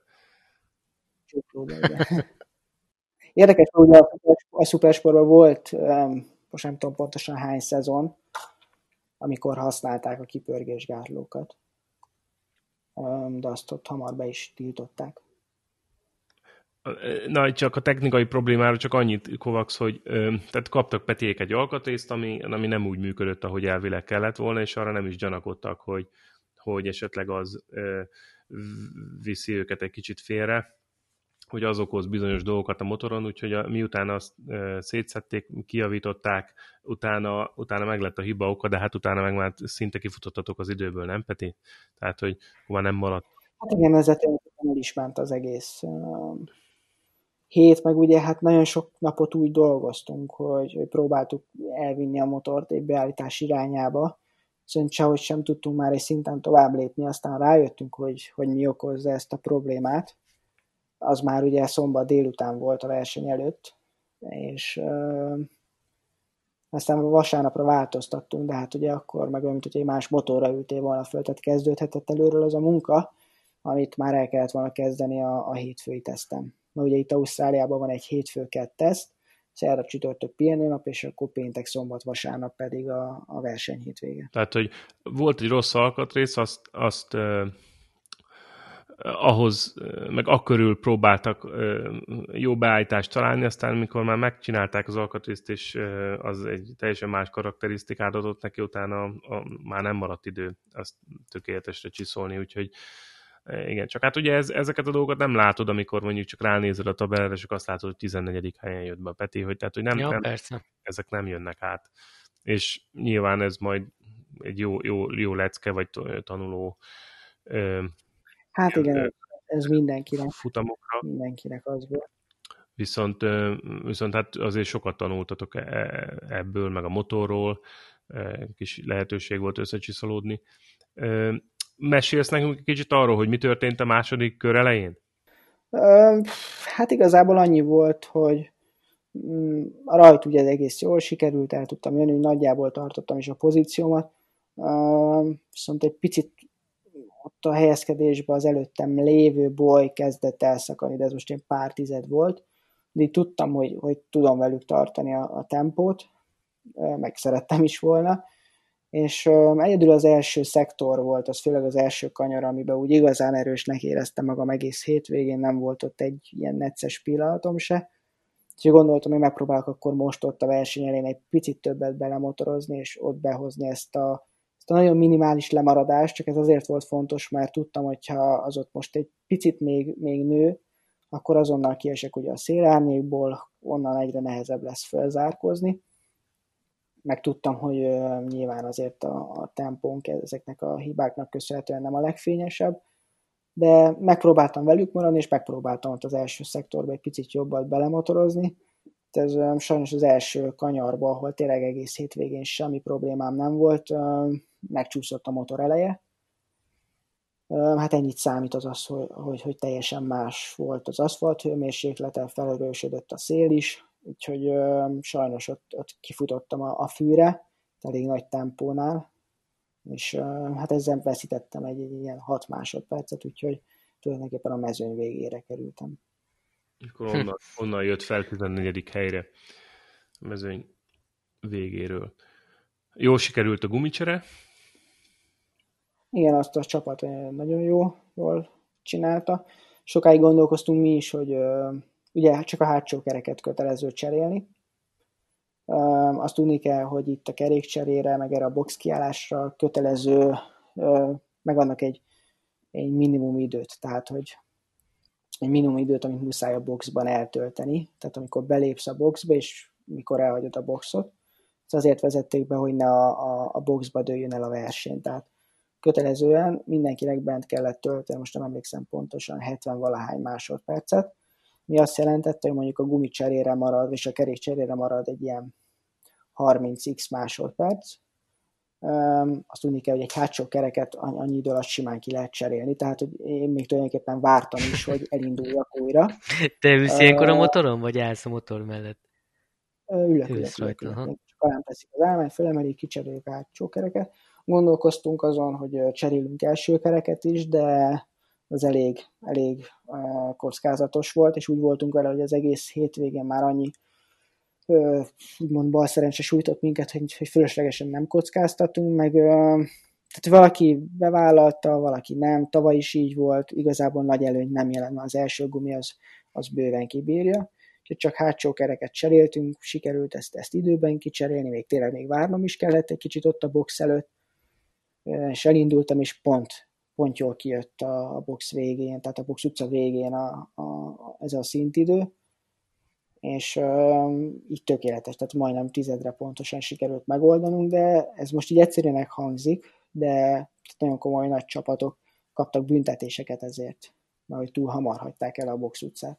Hát igen, azt hiszem régen a GP-be is volt egyszer egy ilyen kötelező csere, és volt, aki nem tudta kiszámolni, hogy igen, hány igen. kör múlva kell kiállni.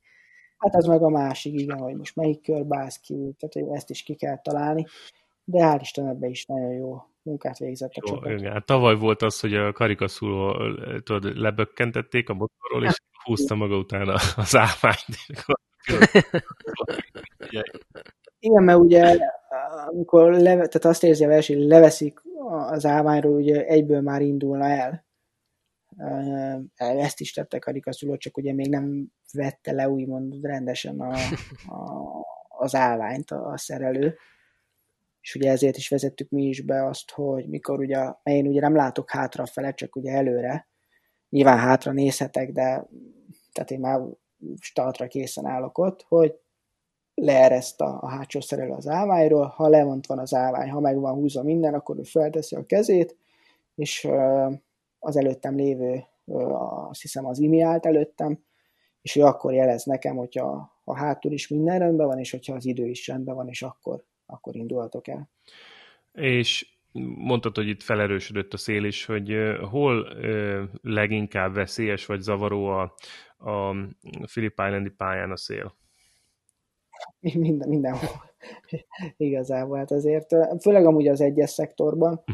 Ott amúgy a kettes kanyarban leginkább annak a kijáratán, a célegyenesből ugye hátulról fújt a szél, egy-két helyen így oldalról, oldalról elkapta, de ez egy olyan sztori, ami, ami mindenkinek egyforma, tehát hogy így erre, erre fogni mm, nem lehet. Ami, hogy megvál, tényleg megváltoztak, érezhetően megváltoztak a körülmények, de ami inkább nagyobb problémát, vagy problémát, tehát nagy változás volt az a, az, az aszfalt hőmérséklete. Tehát nagyon felmelegedett, korábbiakhoz képest azért jóval erősebben sütött a nap, és hát ö, jobban csúszott is már a végére. Az az érdekesség Kovacs, hogy, hogy ö, igen, pénteken is volt, tudod, délelőttes vagy reggel eső, ö, én kicsit később értem ki, olyan dél körül, akkor, akkor pont kellemes volt az idő, aztán olyan kettő-három óra körül is már iszonyatosan melegen volt, és amikor találkoztunk a Petivel, szerintem olyan hat körül, akkor meg már fáztam Jackibe, szóval Aha. szinte négy évszak egy nap. Ja, igen, elég változékony volt.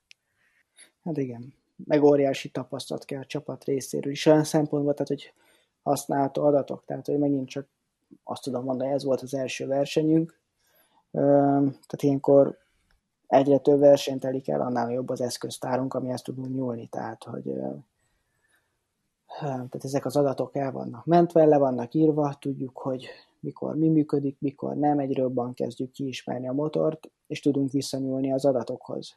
Az pedig mondjuk meg még jobb, lenne, vagy még jobb, hogyha ha mondjuk tavalyi adatokhoz vissza tud nyúlni egy csapat, hogy oké, okay, ez a versenyző ekkor is ilyen időben, ilyen aszfalt hőmérséklete, ezt és ezt használta.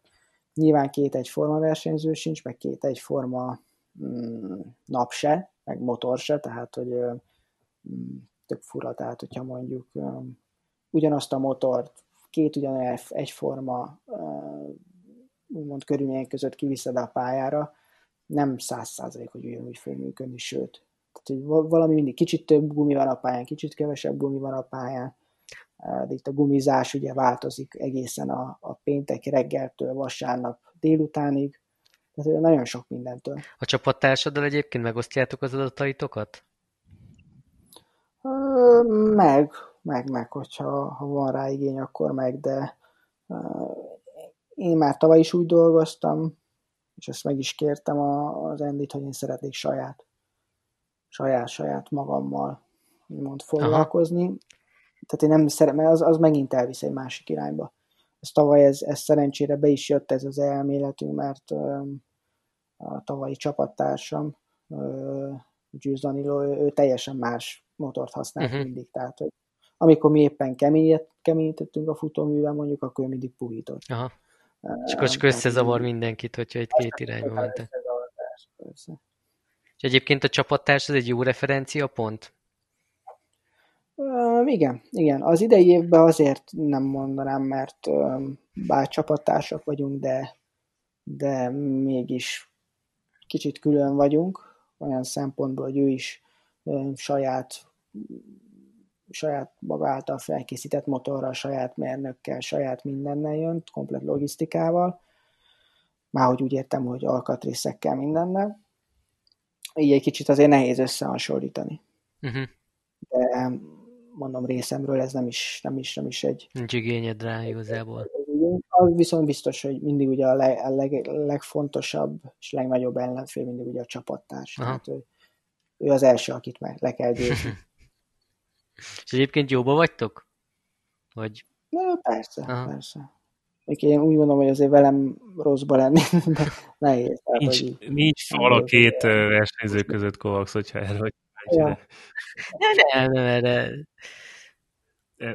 Hát nem, azért, azért ez, tehát ez mindig benne van, tehát amikor ugye az első verseny előtt azért mindig megy a duma, meg amikor, tehát mindig azt próbál nyitni, aki éppen mondjuk a gyorsabb, aztán tehát ezekből mindig jön így a feszkó, aztán vannak nehezebb pillanatok, de aztán egy év végére, meg aztán megint így általában kisimul. Nyilván, hogyha egy világbajnoki cím forog kockán, akkor, akkor, akkor nem simul ki, akkor csak egyre jobban élesedik ez a harc kettőjük között, de, de igazából így évelén teljesen rendben van a, kapcsolat. És most mi a célotok idénre? Hát én úgy érzem tényleg, hogy ez a, az a top 8, ez, top 8-as eredmények, ezek, ezek elérhetőek. Tehát, hogy most ezzel nem így a levegőben beszélünk, hogy mi szeretnénk 8-on belül motorozni, hanem ez egy, ez egy reális cél. Egy nagyon nehéz reális cél, tehát itt tényleg, amikről beszéltünk itt az elmúlt, hát nem tudom mennyi, másfél órában lassan, tehát egy, ennyi mindenem múlik. Múlik minden, ezeknek mind össze kell állnia, tehát, hogy Viszont ha ezek összeállnak, akkor ebbe az egész csapatba, bennem is, a motorban is van annyi lehetőség, hogy ezt így kihozzuk. És hát azért az idei hát... szezonban, tehát ez több szempontból sem könnyű, nagyon erősnek tűnik a mezőny, ami nehezíti Peti dolgát. Nem könnyű, ugye most itt a koronavírus miatti állandó változások sem annyira egyszerűek, tehát hogy most tudod egyáltalán, hogy mikor fogsz legközelebb versenyezni, és hol? Hát ugye jelenleg ugye a Hollandia az, ami, ami még egyenlőre ott van a versenynaptárban. Uh-huh. A Hereszt azt már áttolták uh-huh. október, októberre. Katar is csúsztatva lett talán. Tehát itt most megy a variálás, de hogy igazából ilyen fix, tehát nem, nem, nem tudni semmit, most ilyen nagy káosz minden, hogy őszinte legyek. Hát ez nagy... Már nem a mi részünkről, hanem, hanem tényleg így a, a Dorna részéről is, tehát nagyon kevés információ jön, azok is tényleg ilyen nagyon hirtelen, úgyhogy elég fura ez a szituáció most. Viszont legalább Ausztráliába eljutottatok, és ott tudtatok úgymond tesztelni, meg versenyezni egyet, szóval az, az, az mindenképp pozitív volt. Azt nem tudom, láttad-e Kovacs, de Peti nagyon komolyan készült egész ősz-tél folyamán. Most már főállásban gyakorlatilag készültél erre, ugye? Tehát előtte dolgoztál mindenféle pozícióban, és, és most már csak a, a, a versenyzői karrier van, ha jól értem. A crossmotoros edzéseket azt láttam. Crossmotor, sportedzések. Volt, volt, volt minden, igen. Hát ez egy Hát igen, ez, a, ez az egyik nagy változás, ugye ez, ez főleg ugye így a, az Oxo hungary így a belépésével együtt jött, hogy, hogy akkor hogy új menedzsment, és akkor, és akkor feküdjünk rá erre, hogy, hogy nézzük meg, hogy hogyan működik így ez a dolog, hogy, hát hogy így most csúnyán mondva, hogy, hogy föl, föl, fölépítenek. Tehát, hogy tényleg, tényleg csak nekem a versenyzésre kelljen koncentrálnom, és minden ezen kívül pedig a menedzsment minden ezen kívül dolgozik. Tehát most ez a, ez a jelenleg itt a, a felállás, uh-huh. igen. És hogy tényleg um, eddieknél felkészülés, Hát azt tudni kell, hogy igen, hogy, hogy itt az ilyen motorversenyzés nem annyiból áll, hogy felülünk a motorra és megyünk.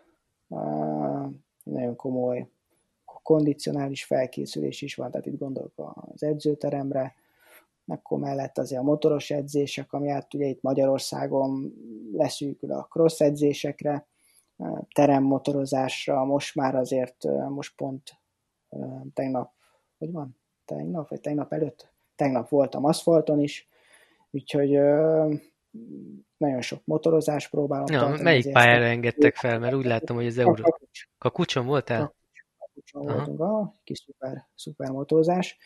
Úgyhogy, úgyhogy nagyon sok minden ezen kívül ilyen képességfejlesztő, a főleg ilyen egyensúly, koordináció, emellett sportpszichológus, nagyon, nagyon sok, nagyon sok minden, és Tehát azért nagyon sok dolog is van ezzel, tehát hogy így ez, ez, ez egész rendszer fölálljon. Nekem is azért sokat kell mond, foglalkozni azzal, hogy, hogy, hát hogy mondjam, hogy, hogy elvégezzem azokat a feladatokat, amit egy versenyzőnek el kell látnia. Hát igen, ez a saját, ez a terészed, amit bele kell tenni. Igen, igen. Még Aha. tavaly, amikor a Hondánál mentél, a CIA Landort csapattal, akkor még ugye dolgoztál mellette, tehát hogy ott volt ez a versenyzői karrier, de azért még mellette TV közvetítések, meg volt egy, egy, egy másik munkád, ilyen digitális marketing stratégiák egyéb, nem? Tehát, hogy ezek Igen. E, ez, ezek uh, menedzsen, és most már csak a felkészülés van, meg a, meg a versenyzői karrier. Igen, a TV közvetítés amúgy, hát az még így, így egy kicsit így, így lóg a levegőben, én, én azért bízom benne, hogy ugye itt most volt egy váltás csatorna, váltás, én azért bízom benne, hogy lesz még lehetőségem, én nagyon szívesen csinálnám. Meg ha lesz mit közvetítenie. Hát igen, igen, igen, tehát hogy itt most jött kapóra, úgymond ez a, a ilyen szempontból sem a, ez az egész vírus, hogy ott is most törölnek mindent. Hát másfelől tényleg azért itt, itt hogy hogy mondjam, tehát hogy itt a, a munka az, az, én úgy mondom, hogy nekem sosem okozott uh, problémát. Én nagyon szívesen foglalkoztam ezekkel a dolgokkal, és szeretek, uh, és szeretek koncentrálni arra is, hogy azért ugye karriert azt, azt nem csak a, a motoron fontos építeni, mert, mert azért valljuk be, hogy ez egy olyan sport, ami, ami egy csettintésre befejeződhet. Lehet ez akár egy sérülés, lehet ez akár, hogy tényleg nem marad már ülés a versenyzőnek, és azért jó, hogyha ha fel vagyunk készülve mindenre, meg én egy olyan típus volt, vagyok, aki így szereti mm, kihívásokat keresni, azért ugye mindennapokban is, de azt tényleg be kellett látnom, hogy ahhoz, hogy, hogy fejlődjek és, és egy jobb versenyzővé váljak, sajnos most már majdnem azt kell mondanom, hogy a háromszorosát kell belerakni, mint amit mondjuk egy spanyol versenyző, mert ők mondjuk um, annyival régebb óta csinálják ezt a jellegű felkészülést. Nyilván ezt háromszor keményebb edzést nem tudod megvalósítani, mert ők amúgy is nagyon komolyan és uh, professzionálisan csinálják ezt, tehát um, nehéz fölvenni velük ilyen szempontból is a, a, a verseny, de, de rajta vagyunk, és én úgy gondolom, hogy nagyon jó irányba halad ez. A magyar versenyzőkkel egyébként valakivel tartod a kapcsolatot? Hát jóba vagyunk mindenkivel, vagy legalábbis én személy szerint mindenkivel, de hogy így ilyen különösen szoros kapcsolat így senkivel sincsen. Aha. És téged lehet látni idén valamelyik magyar vagy regionális sorozatban, vagy csak a, csak a VB-re koncentrált? Mert csak, csak a, a, a VB. Meg ugye ilyenkor azért nekünk meg is van szab, hogy nem is indulhatunk Aha. el máshol. Úgyhogy csak a világbajnokság. Hát remélem lesz, lesz is verseny. Aha. Hamarosan. Na hát lehet, hogy majd ilyen kakucsos vagy euroringes pályázás közben majd összefutsz kovacs a, a, most vettő egy Yamaha R, R3-at, ugye Kovacs? Igen, igen, igen. Majd azért ne, ne legyél túl óvatos, és akkor Kovacs nyugodtan az R3-at, aztán megmutatja, hogy hogy kell lekarcolni a lábtartót vele. Jó, jó, jó, oké. Okay. A Philip Islanden, amikor kint voltatok, akkor egyébként így a Superbike menőkkel találkoztok, vagy annyira más a program, meg annyira más a beosztás, hogy igazából nem is találkoztok a, a, a két mezőny?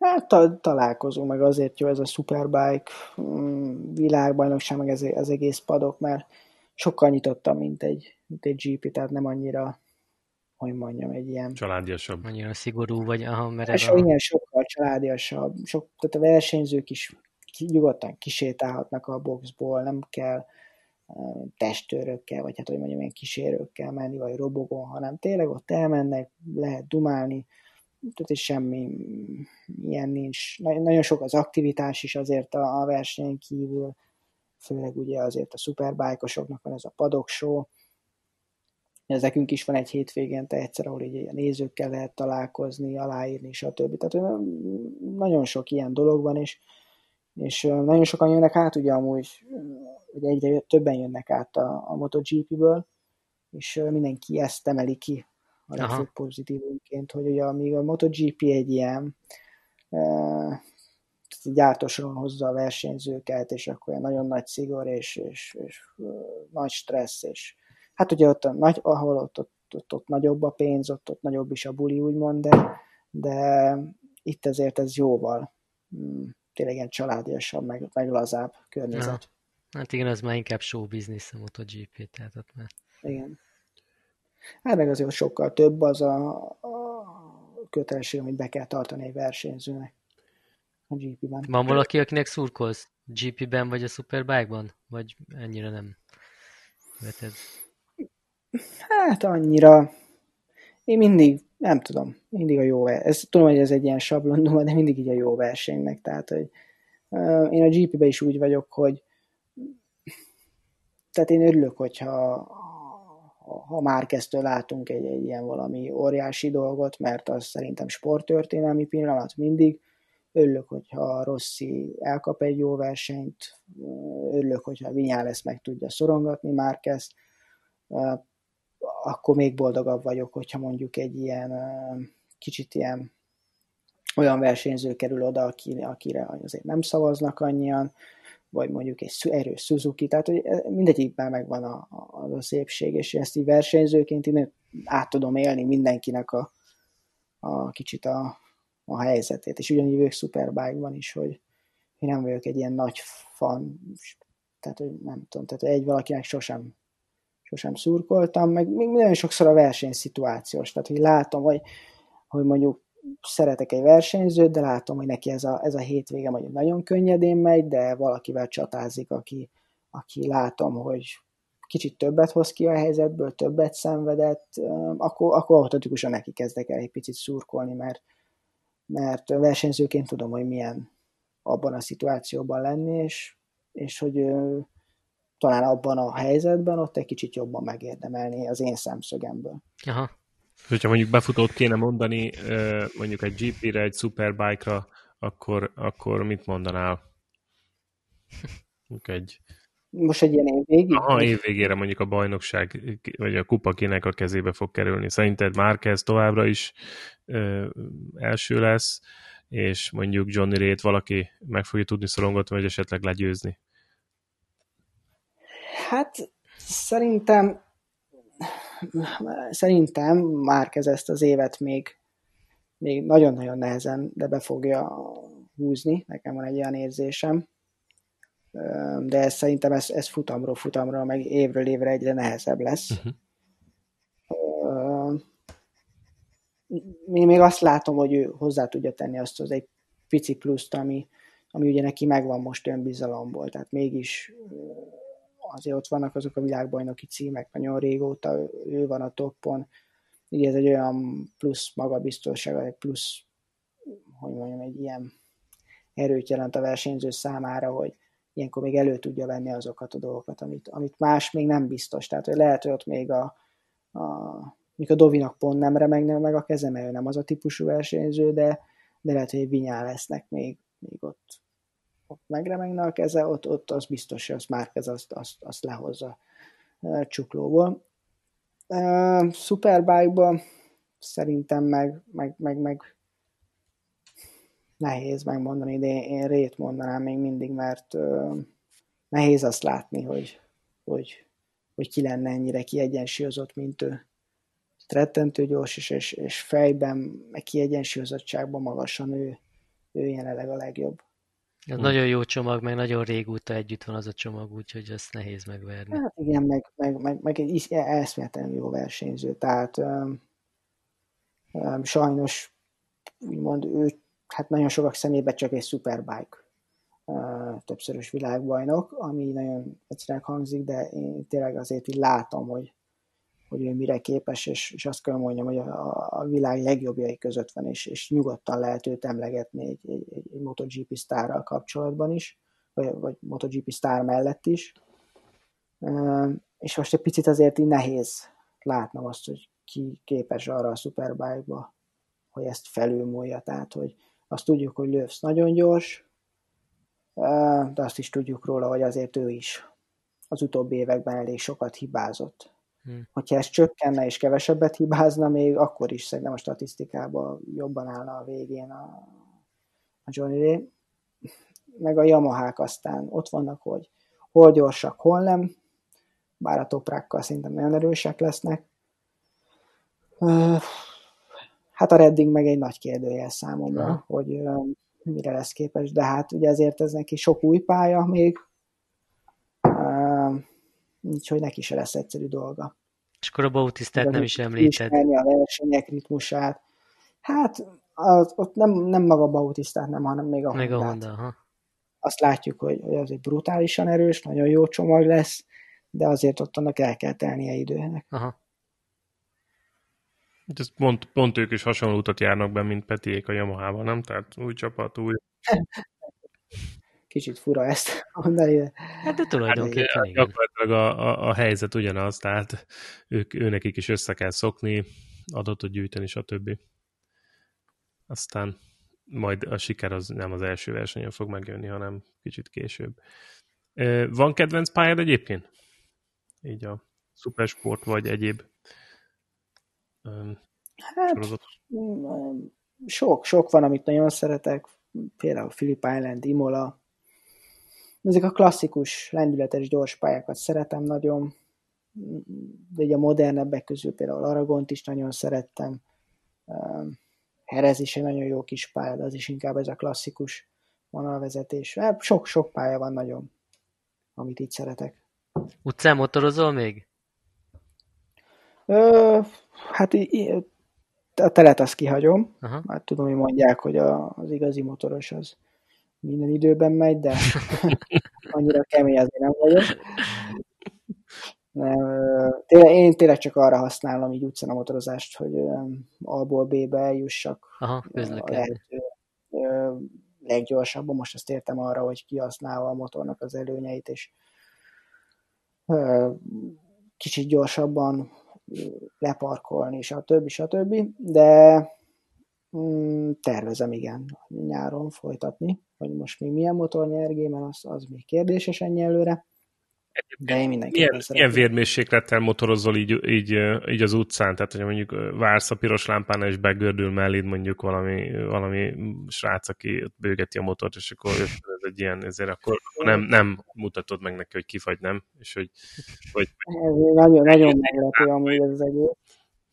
Én, is, én iszonyatosan élvezem azt, hogy, hogy kicsit motorozhatok úgy, hogy, hogy nem kell sietni. Tehát, hogy Neked nem kell bizonyítani másnak villogni vele, de hogy, hogy nem azt mondjuk, hogy nagyon itt izé egy kerekezek meg, megelőzök mindenkit.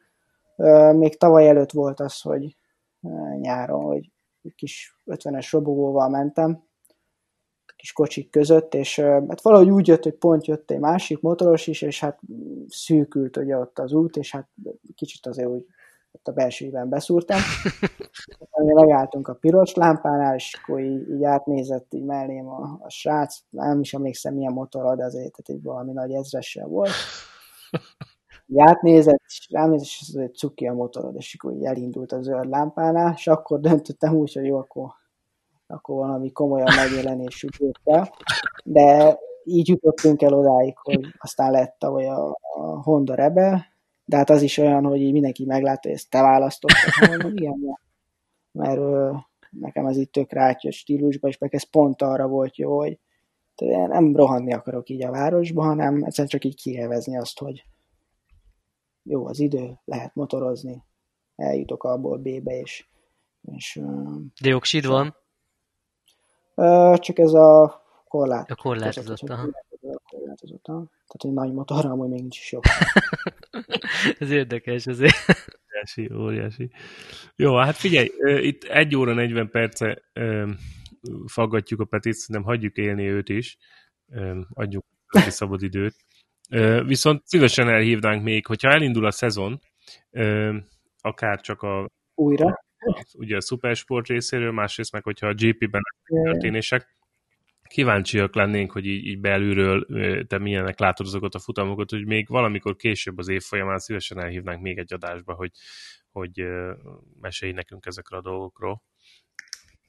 Mindenképpen, köszönöm szépen. Hát és még azért, hogy mondjuk el, hogy egyrészt így az egész Triple Apex stáb nagyon szurkol neked, úgyhogy nagyon sok sikert kívánunk neked is, meg a csapatnak is. Most elmondhatod megint a nevüket. Hát, tehát akkor a csapat név, mindenki figyeljen nagyon. Oxo Hungary, Yamaha Tóth Team. Na, nagyon, nagyon sok sikert kívánunk nektek, tényleg nagyon szurkolunk. Jó lenne, ha kijönne egy szép eredmény. És hát nagyon köszönjük, hogy itt voltál velünk, és megosztottad ezeket a, ezeket a sztorikat velünk. Rolandnak meg köszönjük, hogy összehozta ezt a beszélgetést. Úgyhogy még egyszer köszi Én szépen. Köszönöm. Én köszönöm, örültem, hogy összejött ez a, ez a lehetőség. Hosszú idő után. Köszi szépen, és akkor... Igen, igen köszönöm szépen. Oké, okay, akkor most elköszönünk, sziasztok, és akkor remélhetőleg hamarosan folytatjuk majd következő adásokban a szezont, ha elindul egyáltalán.